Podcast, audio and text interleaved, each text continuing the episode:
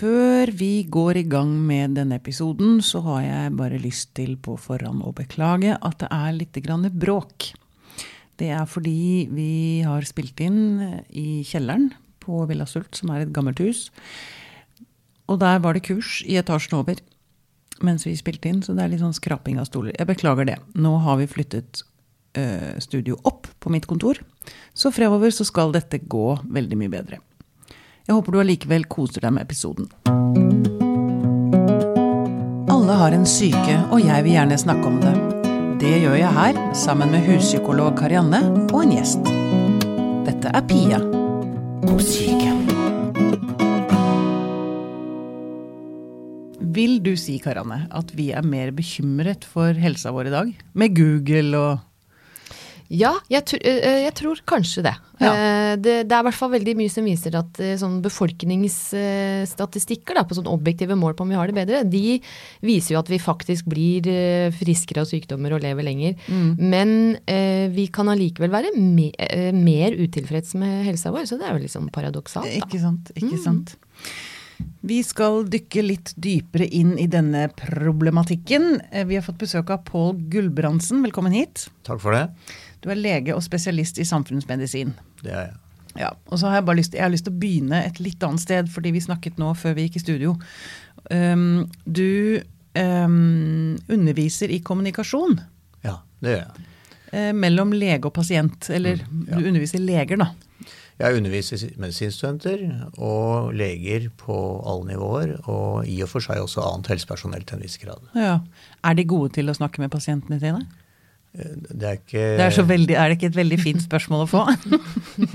det er Ledende, stor, vil jeg si. veldig stor forskjell på det, og det er mange forskjellige grunner til at, eh, at det ofte går galt. Mm. Uh, særlig for leger. Og det er ikke bare fordi de ikke har det i personligheten sin, men det er andre ting ved forholdet mellom leger og pasienter som gjør det. Ja, nettopp. De, det er kanskje ikke det man lærer på legeskolen, holdt jeg på å si. Det er ikke det man Ja, og det gjøres en god del forsøk på å lære det nå, men eh, når man kommer ut i praksis, så endrer virkeligheten seg fort. Ja. Dels pga. tid, selvfølgelig, tidspress. Mm. eh, Problemer med å forholde seg til den store kompleksiteten i det å Ja. drive medisinsk arbeid. Ja, og pga. maktforholdet. Legene får ikke korrigerende feedback fra pasientene, Nei, selvfølgelig ikke. og da tror de at alt er i sin skjønneste orden. Ja, ikke sant. Ok, Um, det er ikke, egentlig ikke derfor vi er her, da. Grunnen til at jeg plukket opp deg, det var en kronikk i Aftenposten som du skrev eh, som, med overskriften 'Medisinen tar livet av oss'. Um, først så lurer jeg på, går vi mye til legen?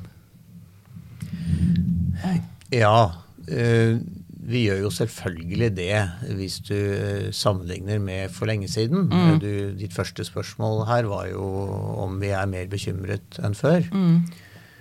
Um, jeg tror det er viktig å, å, å I hvert fall sånn i mitt hode så gjetter jeg på at folk var skikkelig bekymra for helsa si før også, jeg. Ja, Men nå er det lettere kanskje å ja, komme til de hadde ikke Hvor skulle de gå med det? Mm.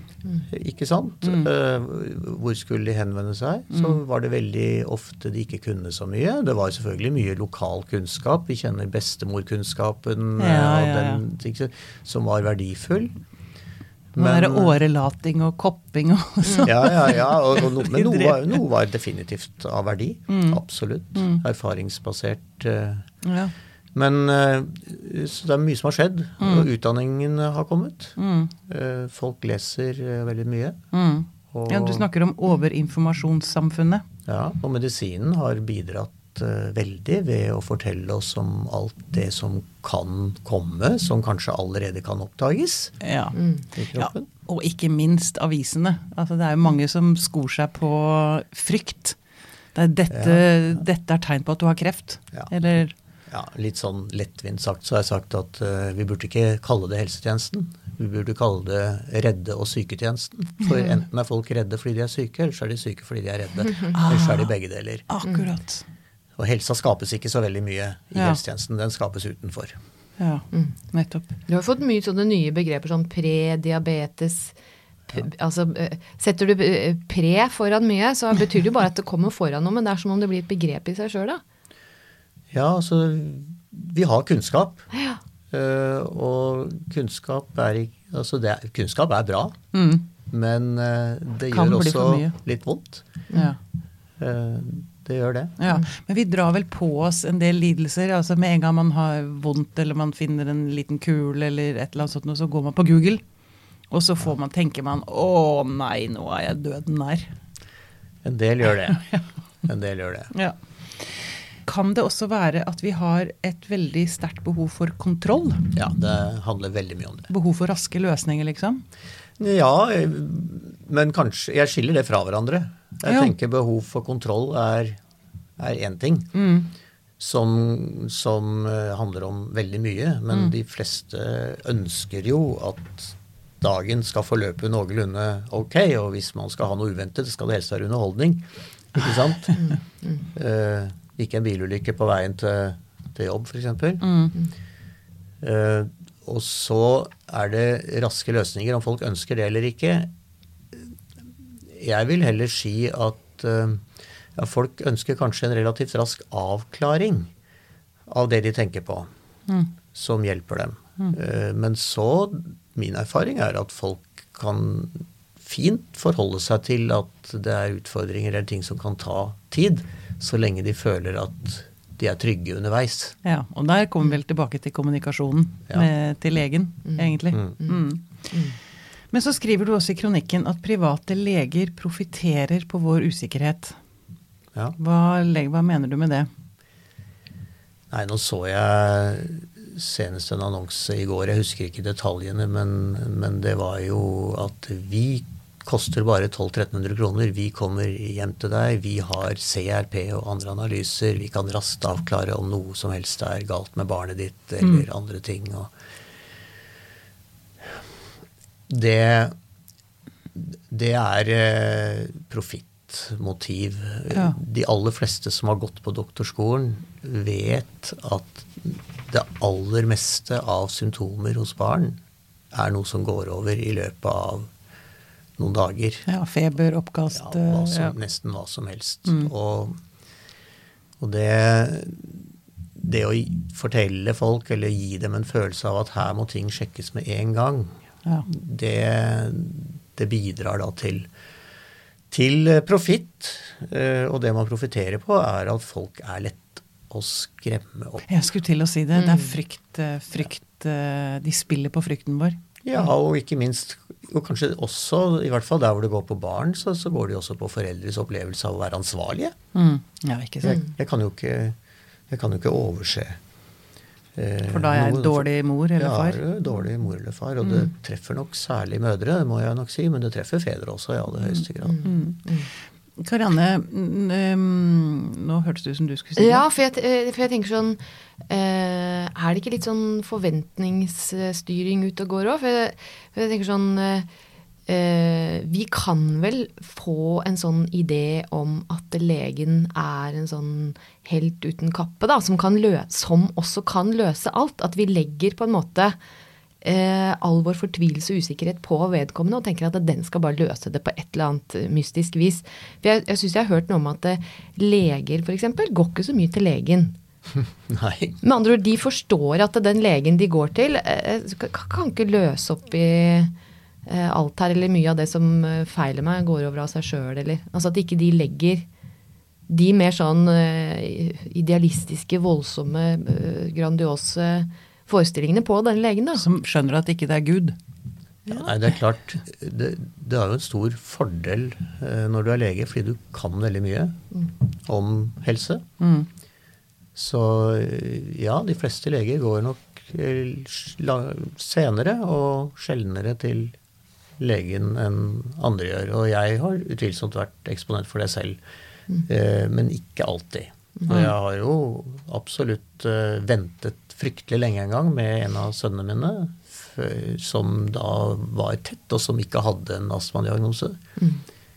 Og det var først når eh, treåringen selv sa til meg at eh, 'pappa, jeg er redd', at jeg skjønte at nå er det på tide å Mm. komme seg til sykehus. Ja, nettopp. For det er vel noe Ja. med også at vi er redde for å ikke gjøre nok. Altså det er bedre å være føre var. Eh, ja, men nettopp fordi vi vet at eh, det er så lett å være fryktelig mye føre var, og at det er veldig kostbart Mm. for helsetjenesten. Det er eh, mye sløsing. Det skaper Mm. køer, andre som trenger det mer. Altså det er masse sånt utover. Så er vi kanskje, mange av oss i hvert fall, litt den motsatte veien. At eh, nei, dette klarer vi, dette ordner vi, dette går over. Dette går over. Dette, Og det gjør det jo Ja. nesten alltid. Ja, nettopp. Men er det ikke også sånn at leger, kanskje eh, spesielt i, i det private, eh, kan plutselig foreslå en operasjon som faktisk ikke trengs? Det beskrev du vel også i kronikken din, at, Ja. at legen eh, sa at jo jo, men vi kan jo ta, husker jeg ikke den medisinske Nei, det var jo artig, det. Altså, jeg hadde jo noen symptomer fra tarmen, og i den alderen jeg var, så tenkte jeg at jeg kanskje jeg skulle få undersøkt om det var noe, selv om jeg strengt tatt tenkte at dette her er ikke noe. Det, altså, da tenkte jeg på kreft, selvfølgelig, men det var det jo ikke. Men underveis i den eh, undersøkelsen, da jeg kikka opp i tarmen, så den sa ikke noe til meg. Eh, så plutselig så, så jeg at eh, de begynte å legge en sånn plate, forberedte å legge en sånn metallplate under meg, og da visste jeg at her skal det gjøres noe med strøm. Og da tenkte jeg at her skulle sikkert eh, fjerne et eller annet. Og så spurte jeg hva det som skjer, sa jeg. Jo, nei, jeg har bare funnet eh, et sånt blodårenøste, et karnøste, som de vil si på medisin, medisinsk språk. Eh, og det kan, tenkte jeg bare jeg skulle svi bort. Nei, hvorfor det, sa jeg. Det er jo ikke noe farlig. Jo, men eh, er det ikke greit å bli kvitt det, da?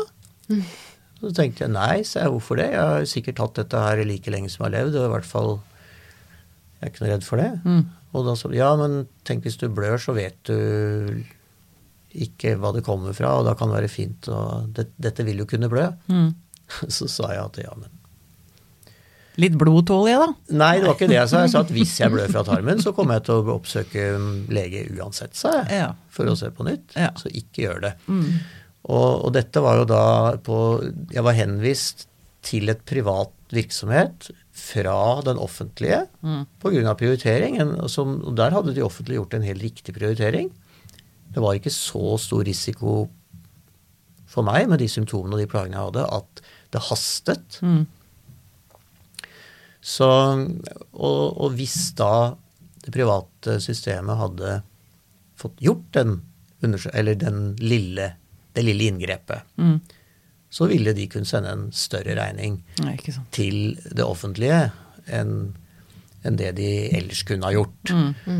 Eh, og jeg tror sannsynligvis minst 95% av pasienter som hadde vært i tilsvarende situasjon, hadde ikke protestert i det. Nei, selvfølgelig ikke.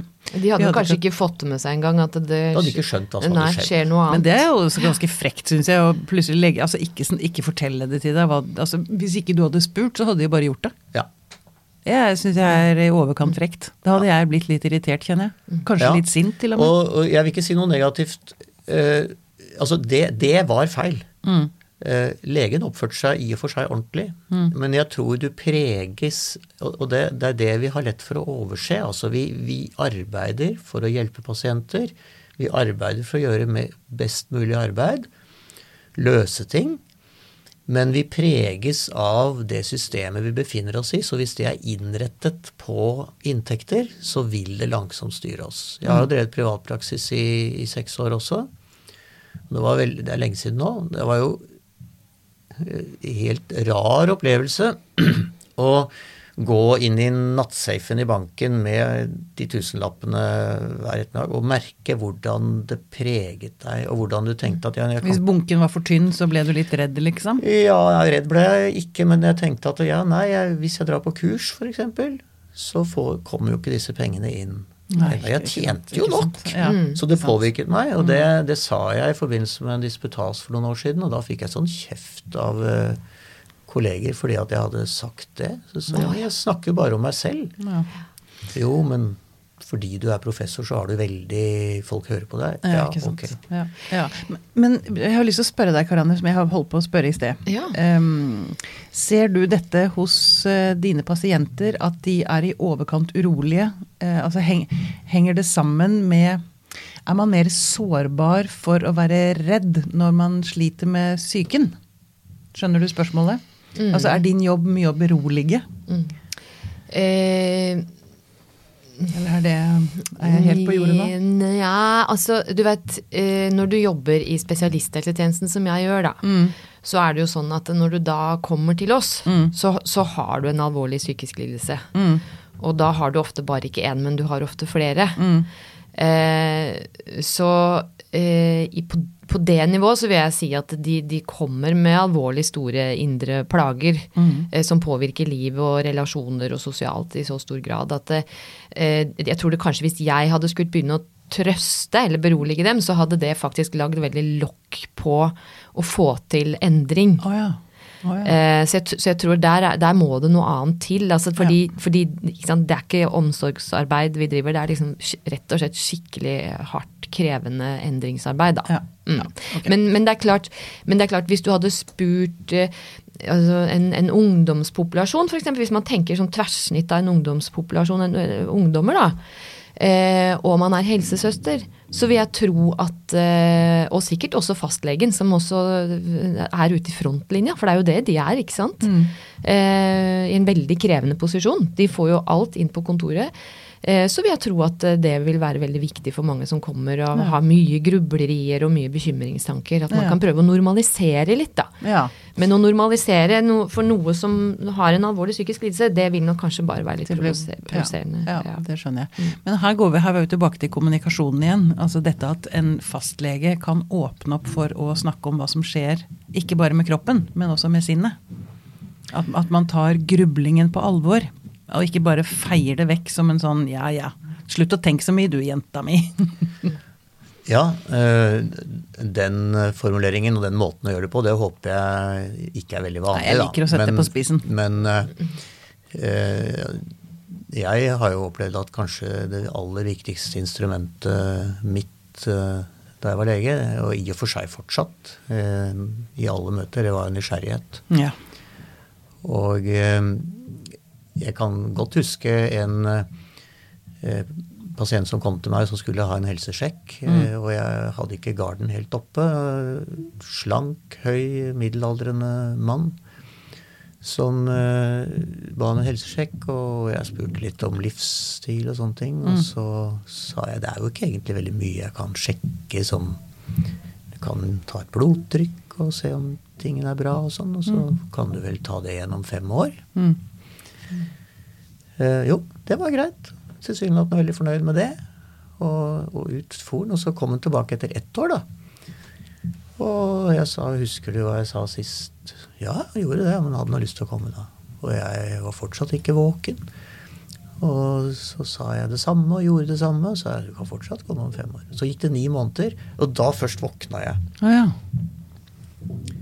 Og så spurte jeg hva er det egentlig du er redd for? Mm. Og det var starten på innsikt i en fyr som hadde alvorlige tvangsproblemer. Akkurat. Akkurat. Mm. Så det var et eksempel på hvor det lå en psykisk lidelse i bånn. Mm. Men det gjør det jo ofte ikke. Mm. Og jeg, til, til ditt spørsmål, så, så har jeg da opplevd at det har vært veldig lite konstruktivt å snakke om kropp og sinn, eller kropp eller sinn.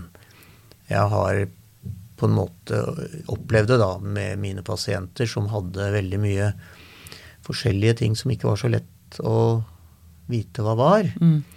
Så sa jeg heller at um, ja, jeg forstår ikke helt dette her, men hvis jeg blir bedre kjent med deg, så kan vi kanskje finne ut av det. Og jeg var veldig forsiktig med jeg sa I starten, da jeg var ung lege, så sa jeg ofte at ja, dette er kanskje noe du trenger hjelp med en psykolog eller psykisk Men etter hvert som jeg ble erfaren, så sa jeg aldri det. Nei. Fordi folk uh, opplever ofte det som et slags uh, Selv om det ikke er ment sånn, så opplever det som en slags avvisning. Ja, så- jeg kan ikke hjelpe deg, du må gå Nei, videre et og kanskje også er det truende. Fordi når noe er i veien med sinnet ditt, på en måte, så, så, så er det noe i veien med deg, altså Ja, som sant, menneske. Ikke sant. Så Og det har vel litt lavere status, har det ikke det? Spørsmål til dere begge. Altså Hvis det er gærent, noe gærent med psyken, så Eller er det lett, vanskelig å forholde seg til, fordi kroppen er så mye mer konkret? Ja, det tror jeg. Jeg, tror, jeg, tror, kroppen er mye mer konkret. Det er mye enklere å gå til fastlegen i første omgang, som jo er der ute i frontlinjen, og du kan bare ramle inn ikke sant, med et eller annet som er kroppslig. Det tror jeg. Og man håper nesten at det er kroppslig. Ja, ja, ja, og, ja absolutt. Men kom på, man håper jo ikke at det er kreft. Nei. Nei. Da er det jo bedre å ha en uh, alvorlig depresjon eller en tvangslidelse. Ja, eller, det eller kanskje ikke. er Mener du ikke så Nei, sikker på. det? Nei, Det er jeg ikke ikke så jeg sikker sikker på. på heller. Nei. Nei, Nei, det jeg, kan- har, jeg kan ha hatt mange pasienter som kan ha liksom, liksom, en alvorlig fysisk tilstand. Har hatt kreft. Altså det, det er noe avgrenset, alle vil forstå det. Eh, det er konkret. Det har en årsak, fysisk årsak som ikke eh, insinuerer at du har tenkt feil eller følt feil eller gjort feil. Ja, nettopp. Det er akkurat det, fordi da Det er noe da- gærent med identiteten din. ja, det er noe Mm, gærent med deg, ikke sant? Og, og, og det er jo det er jo mange følelser knyttet til det, men en av de er jo skam. Og den er veldig vanskelig å, å komme unna Ja. når den først har truffet. Så, og derfor så brukte jeg da ikke det begrepet. Jeg, jeg sa bare at jeg må bli mer kjent med deg.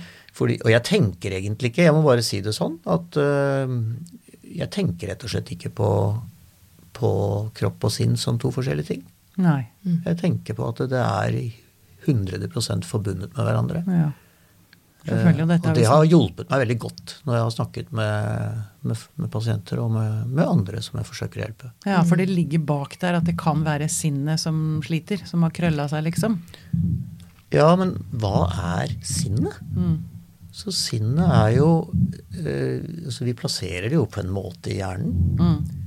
Men hjernen er jo 100% forbundet hele resten av kroppen helt fra unnfangelsen, eller til fra den skapes i de tidlige eh, fosterukene. Så hvorfor skulle den ikke være preget av relasjonen til kroppen? Mm. Og jeg ser på mennesket som en kronisk lærende kropp. Ja.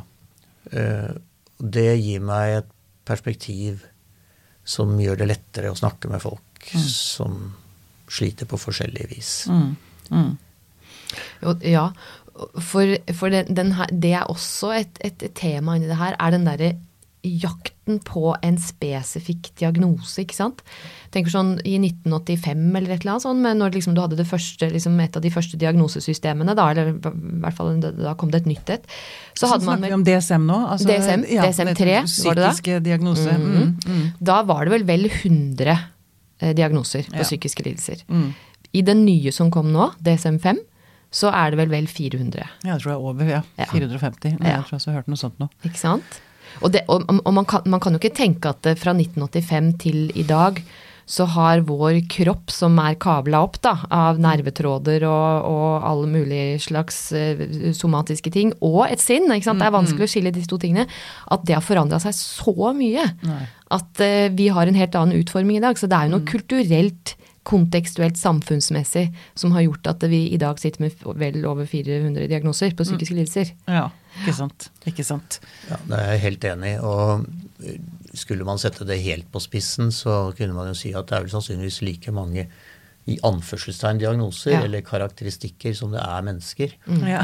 Så, Så snart er vi oppe Ja. i fem så det er samtidig som det ville være galt å forkaste tanken om at det er en, at det fins diagnoser i, inn, innenfor det som vi kaller psykiske lidelser. Da, og at de, fordi vi vet at det er en del karakteristikker ved en del type tilstander som faktisk er hjulpet med helt spesifikk type behandling.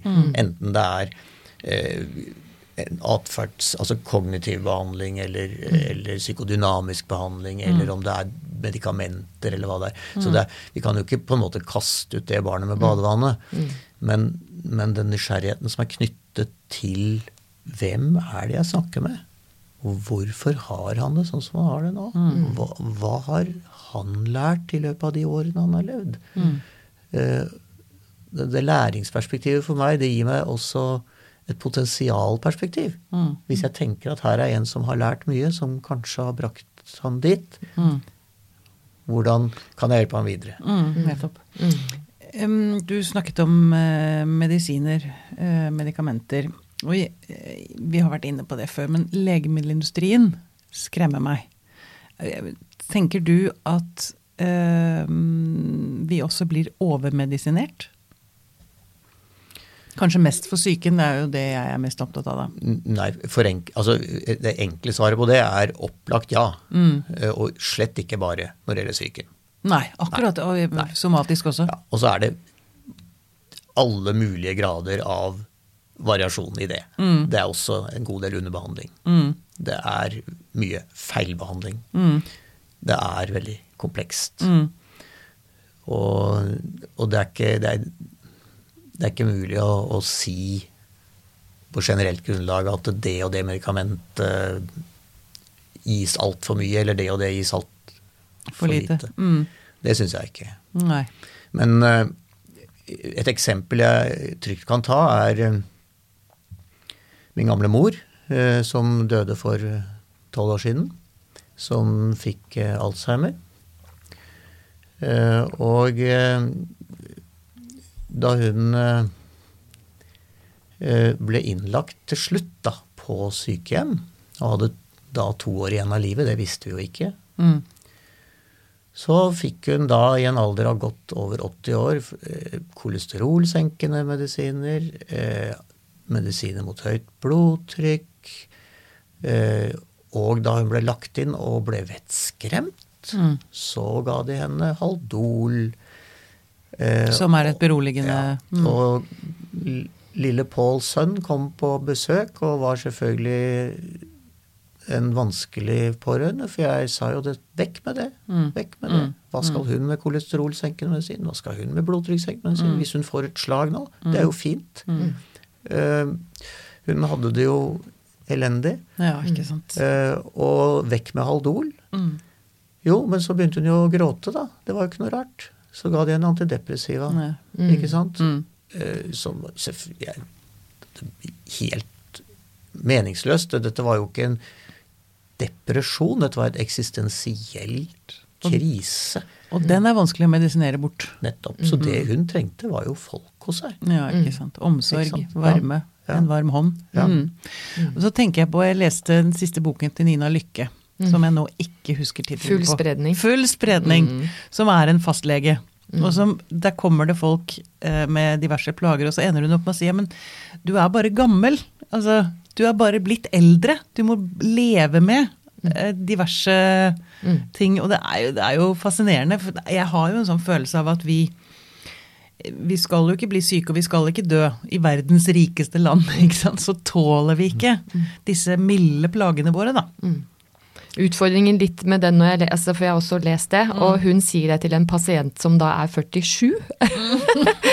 Eh, men, så hun setter det på spissen, men Ja. det, er veldig, det er veldig artig allikevel. Fordi at selv en 47 år gammel kropp eh, kan ikke løpe like fort eller gå like mye på ski som en 20 år gammel kropp. Nei, ikke sant. Du Så er bare her- i litt dårligere form, liksom. Ja, så dette gjelder jo ikke bare de som er, nærmer seg 80, det gjelder Nei. oss, eh, oss som tikker videre mot eh, langt over middelalderen nå. Men det er, det er et eh, interessant eh, perspektiv når du sitter i en legestol eh, og møter folk med alle disse plagene.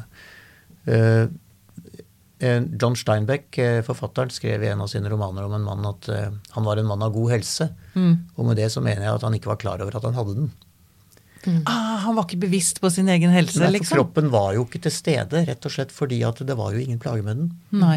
Ikke sant? Og, og det synes jeg, og jeg tenker på meg selv Jeg tror jeg var over 50 før jeg første gang egentlig merka at jeg hadde en kropp, i hvert fall som noe som ikke bare ble borte og gikk over fort. Da hadde jeg sittet på et legekontor i, i 14 år uten å ha en eneste plage sjøl, og skulle prøve å begripe hva folk hadde av plager.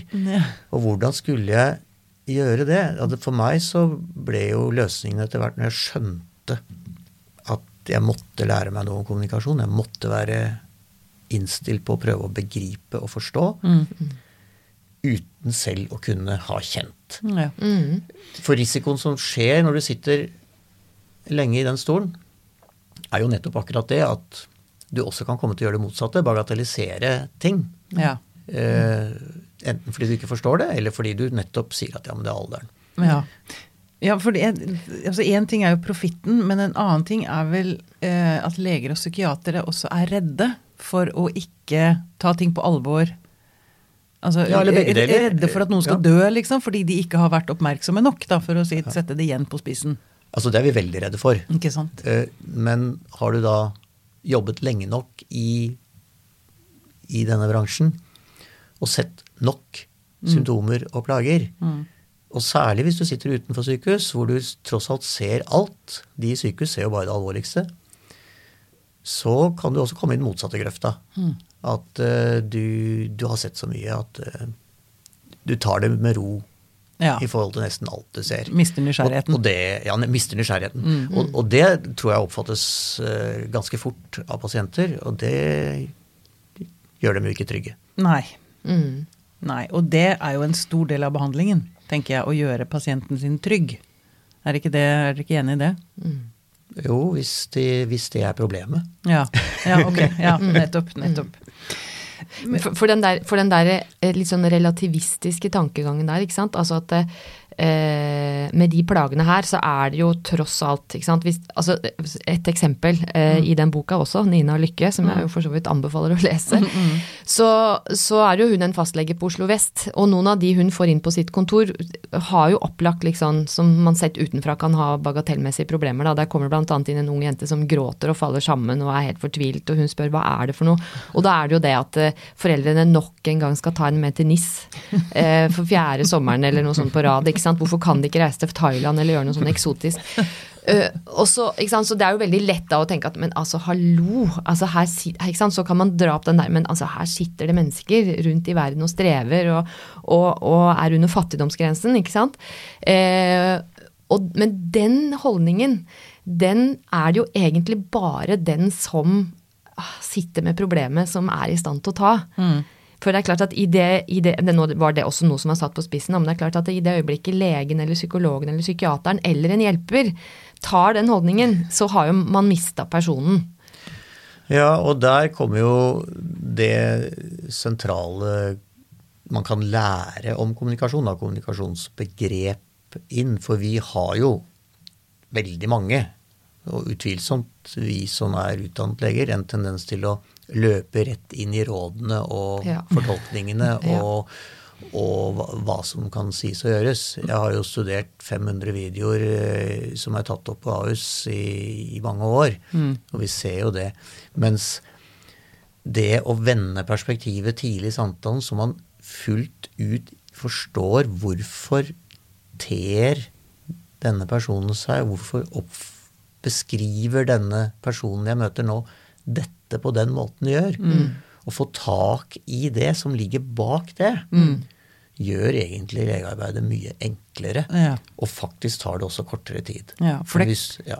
For det, det kan hende at ved å gå inn i eh, problemet og gi råd, så forsterker man faktisk den opprinnelige Eller en feil, si en feil følelse, eller Det er i hvert fall studier sånn, fra psykoterapien som viser at uh, hvis man har liksom én intervensjon eller noe man sier eller gjør for å hjelpe, som på en måte er det som man tenker at dette er det som er virksomt og hjelpsomt, og når det begynner å butte imot, hva er det man gjør da? Jo, man bruker bare mer av det, av det man allerede gjør. Ja. Man bare forstørrer opp og gjør det enda mer. Ok, nei, men da funker ikke, det, må jeg gjøre det enda mer, istedenfor å bytte fokus, da. Ja. Eller tenke at nei, nå må jeg gjøre noe helt annet. Dette her går jo ikke. Altså, så det er jo, det er jo en, en hjelpers eh, litt sånn eh, eh, etisk imperativ, nesten. det, At vi må, Ja. vi må faktisk være oppmerksom på hvor den andre er hen til enhver tid. prøve å se det større bildet. Jeg hørte en eh, bra greie, en som sa at mus er jo mye mer intelligente enn mennesker, fordi hvis de støter på en vegg,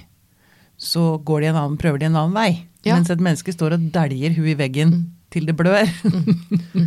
ja, det er jo et munnhell om det at hvis du har en hammer, så ser du bare spiker. ah, ja, ikke sant. Ikke sant. Så, og, og det preges selvfølgelig medisinfaget av også fordi det er så vanvittig mye vi faktisk kan gjøre. Altså Det er jo et fantastisk fag. Det er jo enormt hva man har funnet ut og fått til i løpet av de siste 150 årene. Ikke sant. Og det er av stor betydning for mennesker. Og det gir da oss som forvaltere av det faget en enorm tillit og respekt. Og det er vanskelig å fortelle oss det når det ikke funker. Mm. Og det er vanskelig for oss å skjønne når det ikke funker. Mm. Og Det er derfor vi jobber så mye med å trene inn den tankegangen om mm, først finne ut hvor den andre faktisk er. Mm. Hva tenker de? Hvordan tolker de det? Mm. Og se folk i sammenheng med verden rundt. Ja. For det er jo Vi snakket om ikke dele i kropp og sinn. Mm.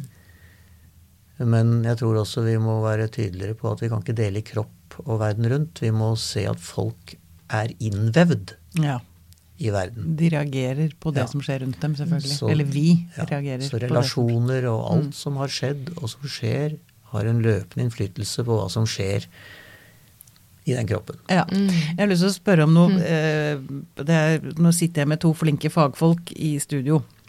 Jeg, ja, og så ler dette er, du? Dette, dette, nei, ikke, ikke, av at jeg sitter med to flinke folk. Jeg ler av min egen uh, bekymring, da. Ja. Uh, jeg bare tenkte på det da jeg ikke kom på tittelen til Nina Lykkes roman. Ja. Så i det siste, eller en stund, så har jeg tenkt å nei, jeg holder på å bli dement. Mm. Fordi jeg glemmer ting. Mm. Og kan rote med begreper eller Ikke sant.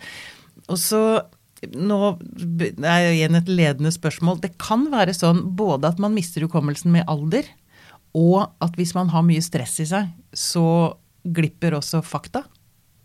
Dere nikker, mm. begge to. Ja, ja det, nå er ikke jeg noen spesialist på hukommelse og, og, og, slik, og jeg er jo definitivt kommet til den alderen at jeg må konsentrere meg for å huske ting, og mm. det glipper. Mm. Eh, samtidig som vi vet at hvis du klarer å holde eh, konsentrasjon når det er noe du skal huske, så, så går det ofte bra. Ja. Så kan vi jo lene oss på det at vi har levd så lenge at det er så mye inni den kassa at uh, noe må klippe. ja. Ja, men da er jeg beroliget. Ja, og jeg tenker jo mer stress du opplever, da, altså når man er i en stressa situasjon, så, så, går jo kroppen litt i kampmodus, og, og, når den er litt i kampmodus, så må den snevre inn oppmerksomheten sin for å fokusere ja. på liksom helt sånne spesifikke ting. Så da er det mye som glipper. Og det ja. eh, Om det kan trøste deg noe, så går jeg også innimellom og lurer på om jeg er dement. Ja, jeg, jeg tror Veldig det er normalt. veldig bra. Jeg velger å se på det sånn. at det, er, er jeg veldig, veldig glad for å høre.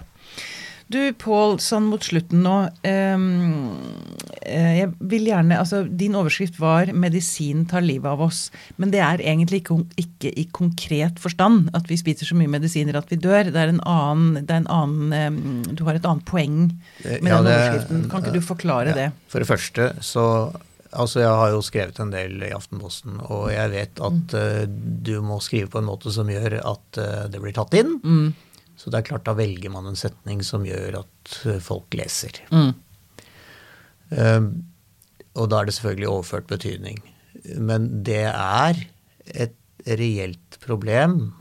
Uh, vi har allerede en enorm del av samfunnet som faktisk er uh, i arbeid med helse og omsorg. Og vi har en av de beste legedekningene i verden. Og mm. likevel så blir vi på en måte ikke ferdig og ikke fornøyd. Og det er eh, rett og slett grenser for hva vi kan vente av livet. Eh, og det er grenser hva vi kan vente av hvor lenge vi skal leve. Og det er til og med i en etisk forstand et spørsmål om hvor lenge er det egentlig bra at vi lever. Mm. Eh, vi, er et, vi er en art, og de fleste arter har flest unge individer og færre gamle, og vi er i mm. ferd med å snu helt om Ikke på det. Sant. Og det tror jeg er veldig lite konstruktivt. Mm. Uh, og så er det ekstremt dyrt. Og akkurat uh, den kronikken du viste til, der var nok den uh, inspirert av at jeg ser nå hvilke enorme kostnader som legges inn i såkalt, jeg sier såkalt kurerende behandlinger ved kreft enkelte av behandlingene kurerer noen. Det er reelt. Veldig mange andre gjør det ikke. Og det er kostnader eh, på et nivå som eh, f.eks. du kan veksle i to hele hjelpepleierårsverk. Ja. på, i omsorgsarbeid, f.eks. På, på én pasient. Ja. Og da kan du spørre, og da må vi nesten spørre i samfunnet eh, hva er den beste forvaltningen av vår medisinske kunnskap? Mm. Og da kunne man f.eks. tydeligere snakke om, jeg våger å si det, og med fare for å få kjeft, at eh, ja, det er selvfølgelig helt greit at man bruker så mye man kan av krefter på relativt unge individer Mm. som kan vinne veldig mye levetid. Kanskje har de ansvar for barn, kanskje, Mm. enn hva vi bruker av krefter på de som har blitt gamle. Nå snakker jeg om i kurativ hensikt. Omsorg skal vi ikke tulle med. Ja, nettopp fordi eh, det, det kan hende at, eh, bare et kort spørsmål, at en dyr medisin forlenger livet med to måneder.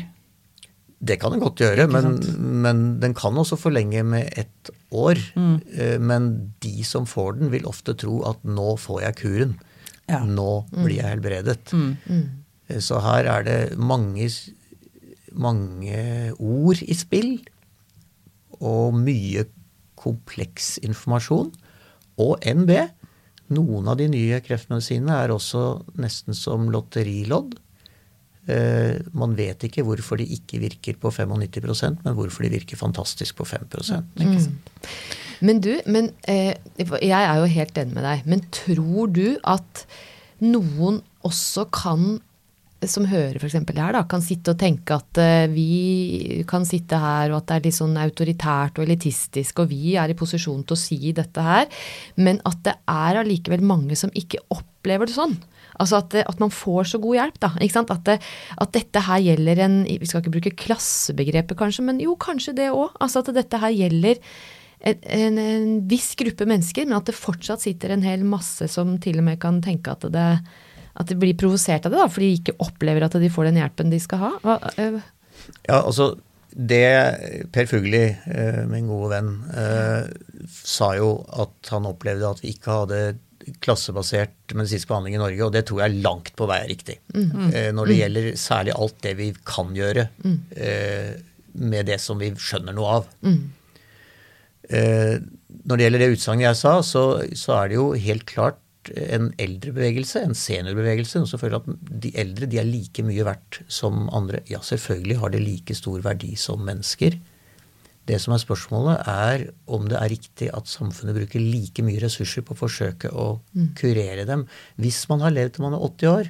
Jeg nærmer meg pensjonsalderen, så jeg kan jo med litt større trygghet si dette. Men hvis man har levd til man er 80 år, så har man i utgangspunktet hatt flaks. Ja. Veldig mye flaks. ja. Og spørsmålet er hvor mye mer ressurser skal vi legge inn da, annet enn god omsorg? Ja.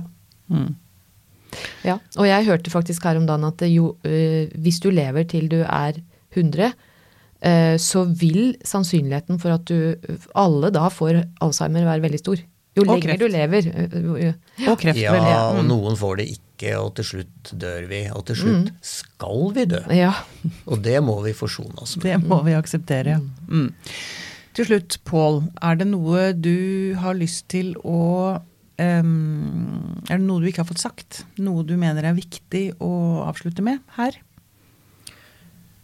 Um, det er jo kommunikasjon som er mitt felt. Mm. Og det jeg opplever, er at det har vært en enorm vekst i interesse for kommunikasjon blant mine kolleger. Det har skjedd enormt på de siste 20 årene. Mm. Og jeg får nesten ikke fred.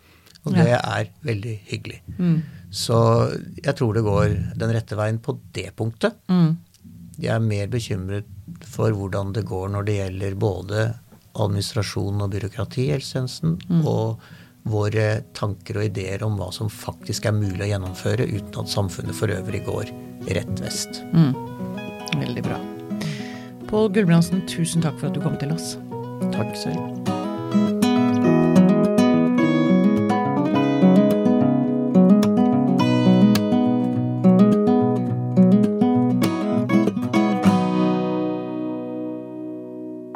Podkasten er produsert av Tid og Lyst. Med støtte fra stiftelsen Kåre Berg.